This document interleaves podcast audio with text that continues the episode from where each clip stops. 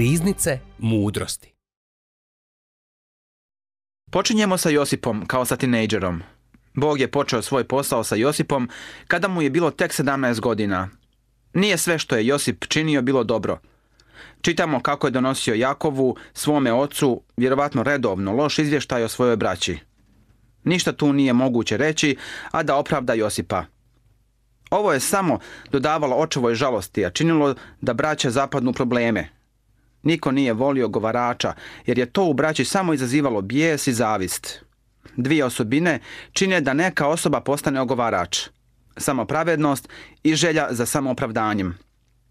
Josip je bio samopravedan. Svi bismo trebali biti ohrabreni, naučiti da Bog može da upotrijebi i samopravednu osobu, jer smo po svojoj prirodi svi slični Josipu. Možda bismo pomislili da je pisac mogao da izostavi ovaj dio priče, na kraju krajeva, Josip je jedan od pravih biblijskih heroja. Ali knjiga Postanka nam priča da je Josip svome ocu donosio loše glasove o braći, jer Biblija otkriva i dobro, a i loše o svojim herojima. Ohrabruje spoznaja da ne moraš biti savršen, a da te Bog divno upotrebljava. Josip je bio Jakovljev ljubimac. Ovo je moglo da ima neke prednosti, ali vjerovatno više od onog suprotnog. Najvjerovatnije da ovo nije bilo nešto dobro na početku. I Josip je mnogo zbog toga patio. Biti ljubimac roditelja kao da u djetetu stvara veliko samopouzdanje, ali ono vas isto tako otuđi od vaših vršnjaka. Josip je patio od nekih problema ličnosti i odnosa. Bog će ga upotrijebiti, ali on još nije bio spreman. No, vjerovatno, mu to nisi mogao reći, jer je on imao drugačije mišljenje. Da li želiš da te Bog upotrebljava? Da li si sasvim siguran da si spreman da te Bog upotrijebi? Samo Bog zna da li si spreman. U Josipovom slučaju bilo je tu dosta toga u njegovoj ličnosti što je moralo da se probere.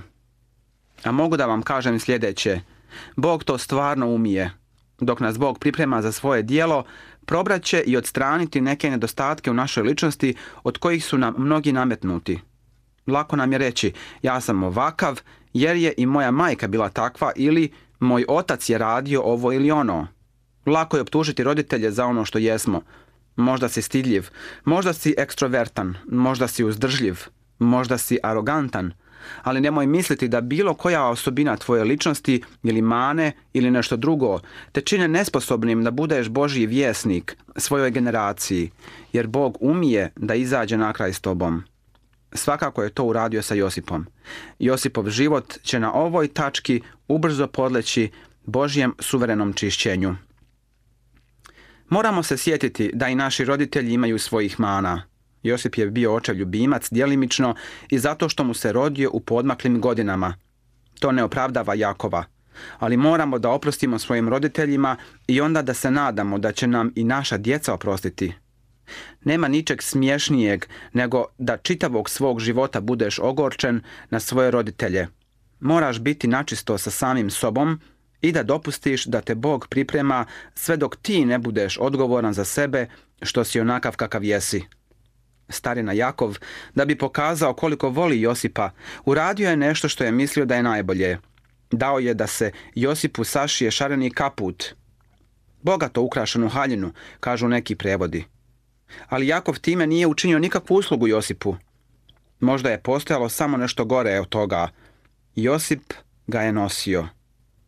Možda je Josip trebao da ide svome ocu, da se pred njim pokloni, da kaže molim te ne tjeraj me da ga nosim. Ali Josip je bio veoma sretan što može da ga nosi. Bio je to razmažen, arogantan tinejdžer, potpuno neosjetljiv prema osjećanjima svoje braće. Kada su braća primijetila da ga otac od svih najviše voli, oni ga zamrziše i ne mogahu s njim prijateljski da razgovaraju. Ovakva reakcija se mogla očekivati i Jakov je trebao misliti o tome. To nije značilo da su mrzili svoga oca, mrzili su Josipa. Jakov je to nanio svom rođenom sinu, koga je toliko volio. Okrenuo je svoje sinove protiv Josipa. Ovo je drugo upozorenje nama, roditeljima, da šteti kada damo prednost nekom svom posebnom djetetu. Time nikako ne činimo nešto dobro svom djetetu. Zapravo, uopšte ne mislimo na to dijete. Mislimo samo na sebe. Josipov šareni kaput je više značio Jakovu nego Josipu. Biti pristrasan nije znak ljubavi, već prikazuje našu sobstvenu slabost koju prenosimo i na dijete. Budućem guverneru Egipta i Božijem čovjeku koji će sačuvati Abrahamovo sjeme, loše se pisalo. Možda i ti osjećaš da imaš ozbiljnu grešku. Imao si slabe psihološke i socijalne početke. Možda su tvoji roditelji razvedeni. Možda se sjećaš svog djetinjstva pa kažeš nikada nisam doživio ničeg dobrog.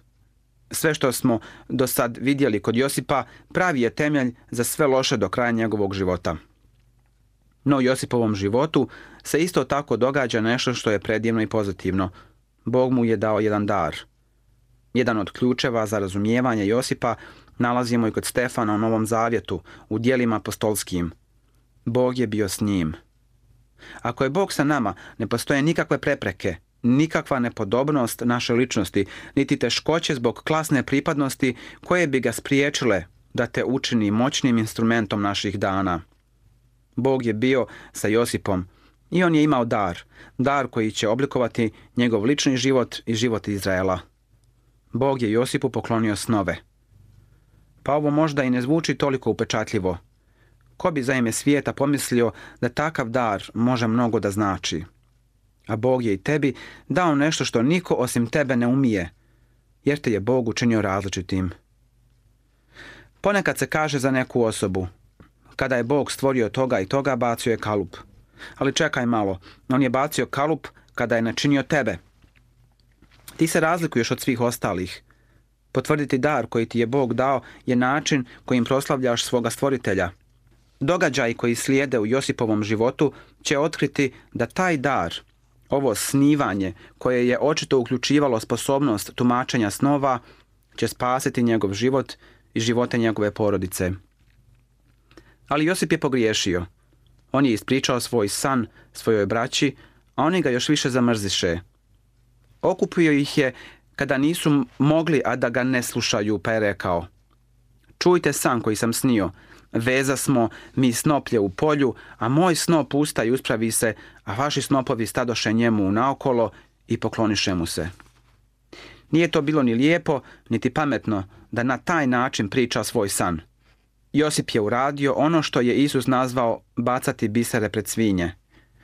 Moguće je zloupotrijebiti dar koji ti je Bog dao. Nekad se kaže da je čovjekov izuzetni dar i njegova propast. Tako se Josip, zloupotrebljavajući svoj dar, još više otuđivao od svoje braće. Dosad je Josip načinio tri greške. Prvo, bio je spletkaroš. Drugo, pravio se važan sa svojim šarenim kaputom. Treće, zloupotrijebio je dar koji mu je Bog dao. Josip je trebao da zadrži za sebe sadržaj svog sna. Možda je Bog tebi nešto otkrio, ali prosto izgaraš od želje da to ispričaš drugima. Preispitaj sebe zašto to želiš da činiš. Da li da ti se ljudi dive? Neka te Bog uzvisi u svoje vrijeme. Nemoj o tome nikome da pričaš. Sjeti se ovoga, da ti nije Bog stvarno nešto pokazao, pa si uradio neku grešku sigurno da, da bi bio strašno sretan što si u vezi toga čutao. Nećeš morati kasnije da se stidiš. Sjeti se Pavlovih riječi. Prorokovanje će prestati. Da ti je Bog nešto otkrio, a ti to bez razmišljanja razglasio, predskazao bi da će proći mnogo, mnogo vremena dok se ne opravdaš. Činjenica da imaš dar od Boga još ne garantuje da ćeš imati i mudrosti i zdrav razum da ga i koristiš. Josip je ispričao svoj san i nije bio potreban nikakav stručnjak za snove da da tumačenje. Josipova braća su u tren oka razumjeli poruku. Govorili su, hoćeš li ti biti kralj nad nama? Hoćeš li ti nad nama zapovijedati? I još su ga više zamrzjeli. Braći nije pomoglo što su čuli ovaj san. Razmetanje darom potiče iz želje da nam se drugi dive, no rezultat je uvijek kontraproduktivan. Sigurno je da ćete ljudi izbjegavati i nećete voljeti. Josip jednostavno još nije bio spreman da ga Bog upotrijebi. Njegov dar je bio u redu, ali on nije bio u redu. Mnogi o nama misle da smo u redu i spremni jer dar se praktikuje ali Bog zna bolje. Bog je imao plan za Josipa i za svoj narod. Da li ti imaš neki dar? Da li si ga zloupotrijebio? Moj savjet je da budeš siguran da si sebe u potpunosti predao Bogu. Možda kažeš, ako svoj dar predam Bogu, nikada neću postati poznat. Garantujem ti, jedini način da tvoj dar bude od ikakve vrijednosti je da se posvetiš i povjeriš rukama svog stvoritelja i izbavitelja. Predaj svoj život u potpunosti Bogu, pa će se čak i one glupe greške okrenuti na dobro. Na kraju ćeš čak biti u iskušenju da zaključiš vjerovatno sam stvarno morao da ovako postupim. Evo, u tome se krije čudesna istina iz poslanice Rimljanima 8.28. Bog sve doprinosi dobru. I najgluplje stvari koje smo uradili ispadaju na kraju dobro, zato što ih Bog preokreće. A Josipu je trebala samo priprema, glačanje. U Božje kraljevstvo treba ući kroz mnoge nevolje, a Bog svake milosti koji vas je pozvao u svoju vječnu slavu u Kristu, okrijepit će vas poslije vašeg kratkog stradanja i učinit će vas čvrstima, jakima i postojanima. Gospod će dovršiti što ja počeh, Vjerovatno to uključuje neku patnju. Neki vajar je iz bloka mermera namjeravao da izvaja konja. Jedan prolaznik ga upita, kako ćete u tome uspjeti? Jednostavan odgovor je glasio, sasvim prosto, klesanjem odstranjujem samo ono što ne liči na konja. Slično je s nama. On uzima veliki blok koji mu damo. Počinje da klesanjem odstranjuje sve ono što ne liči na njegovog sina – Bog je isplanirao da budemo saobraženi slici njegovog sina. I konačno će stići dan kada će moći da nas koristi. Možda ćeš pomisliti da je Josip konačno naučio da drži jezik za zubima, jer je zapao u sve moguće nevolje. Trebalo je da nauči da ako svojoj braći i ispriča san, da će se stvari samo pogoršati. Ali gle, šta to čitamo? Sanjao je još jedan san i ispričao ga svojoj braći. Zašto nije naučio lekciju? Odgovor glasi, još nije dovoljno naučio stegom. Bog dopušta da patimo zato što to jeste način koji klesanjem odstranjuje sve ono što nije slično Isusu. Inače ćemo i dalje ponavljati iste stare greške. Možda ćeš reći, zašto ponavljam uvijek jedno te isto? možda zato što još uvijek nisi predao sebe Božjoj pročešćavajućoj vatri. Zar nije i Jakov iz tog razloga rekao, smatrajte čistom radošću kad god se suočite s raznim iskušenjima. Da ti predložim nešto. Kada te sljedeći put susretne neko iskušenje, umjesto da se protiv njega boriš, umjesto pokušaja da ga se oslobodiš, a pri tome sve vrijeme gunđaš, Prihvati ga radosno, pa posmatraj šta će Bog učiniti. Inače ćeš možda morati da podneseš skoro nepodnošljivu patnju, jer ništa drugo neće biti djelotvorno. Bog mora da postupa sa nama na taj način. Morao je to da uradi i sa mnom. Kada gledam natrag na svoj život, patnje kao da su mi najdragocijenije blago i uspomene. Ne blagoslovi, ne kite cvijeća, ne komplimenti, ne patnje. Ali da postavim još i ovo pitanje. Zašto je Bog onda poklonio Josipu sve ove snove? Očekivali bismo da će Bog reći Eto, vidim da ćeš zloupotrijebiti svoj dar. Morat ću prestati da ti poklanjam bilo kakve snove. Naprotiv, u Bibliji čitamo da su Božji darovi i pozivi neopozivi znači ne želi da ih opozove. Bog ti daje neki dar i ti neprekidno možeš da ga koristiš jer ga ne oduzima. No upotreba dara ne uključuje i činjenicu da je sve ostalo sa nama u redu. Boži dar je kao spasenje koje nam poklanja. Ne oduzima ga. Ne opozivo je. Ali eto Josipa. Koristi dar, a stalno ponavlja istu grešku. Pa da vidimo Šta je Josip dalje uradio? Stvarno se zanio. Ne samo da je svojoj braći ispričao i drugi san, ispričao ga je ocu. Otac ga je opomenuo. Zar ćemo doći ja, tvoja majka i tvoja braća, pa ti se do zemlje klanjati? Ipak, makar Josip prešao sve granice, otkrivajući velike stvari onima koji ih nisu mogli svariti, jasno je da se tu radilo i o djelovanju Božjeg duha. Prelako je reći da Bog nije na dijelu kada sve ne ide kao podmazano, baš kako treba. Josip je išao predaleko, ali ko bi mogao da porekne da se u njemu nije događalo nešto autentično. Josip nije očekivao da će uvrijediti svog oca.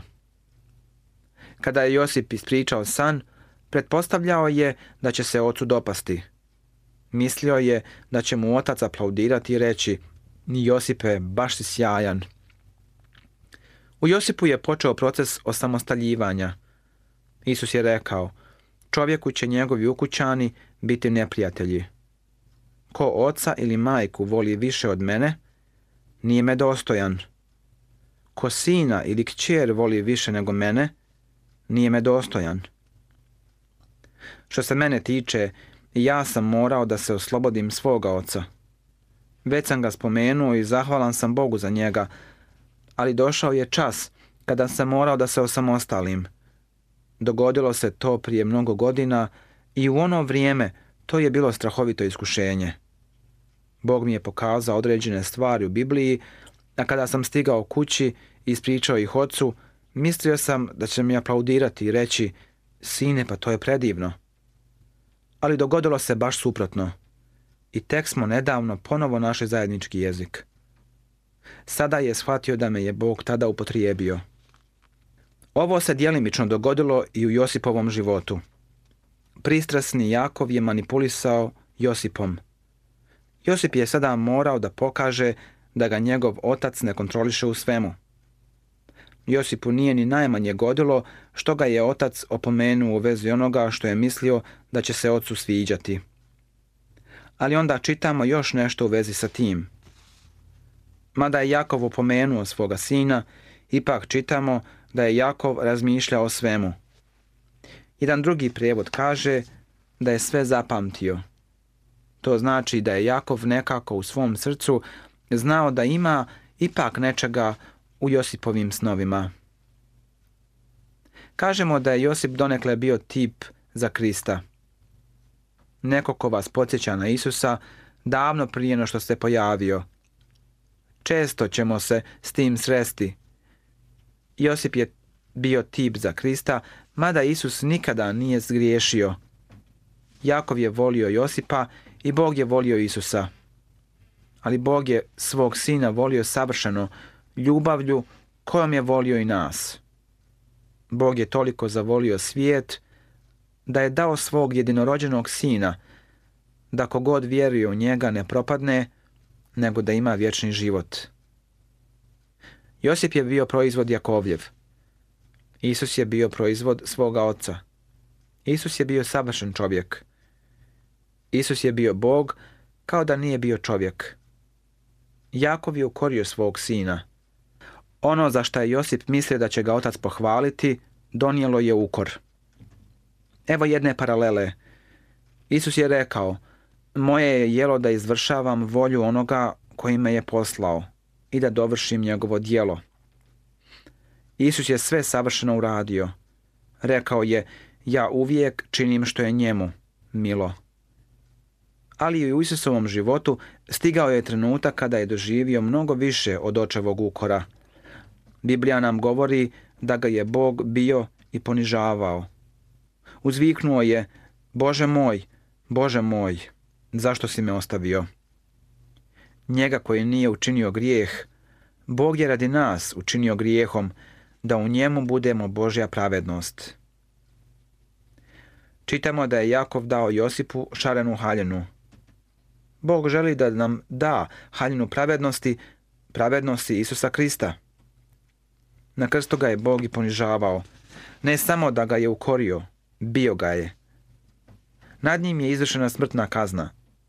Svi naši grijesi su stavljani Isusu u račun.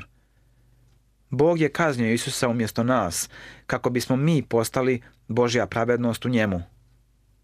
Josip je bio Božji nebrušeni dragi kamen, a trebalo mu je mnogo brušenja prije no što će stići njegov čas ali Bog svakoga od nas vidi na taj način. Smatra nas dragim kamenom koga niko od nas ne primjećuje. Samo Bog vidi ono bitno. Kada nas ugleda odjenutima haljenom pravednosti, On se zavjetuje da će ostati s nama do kraja. Pravda će tvoja zasjati kao svjetlost i tvoje pravo kao sunce u podne. Hvala vam što ste slušali današnju emisiju. Kontaktirajte nas putem našeg e-maila putpravednosti.bih.gmail.com ili putem naše Facebook stranice Put pravednosti. Do sljedećeg slušanja.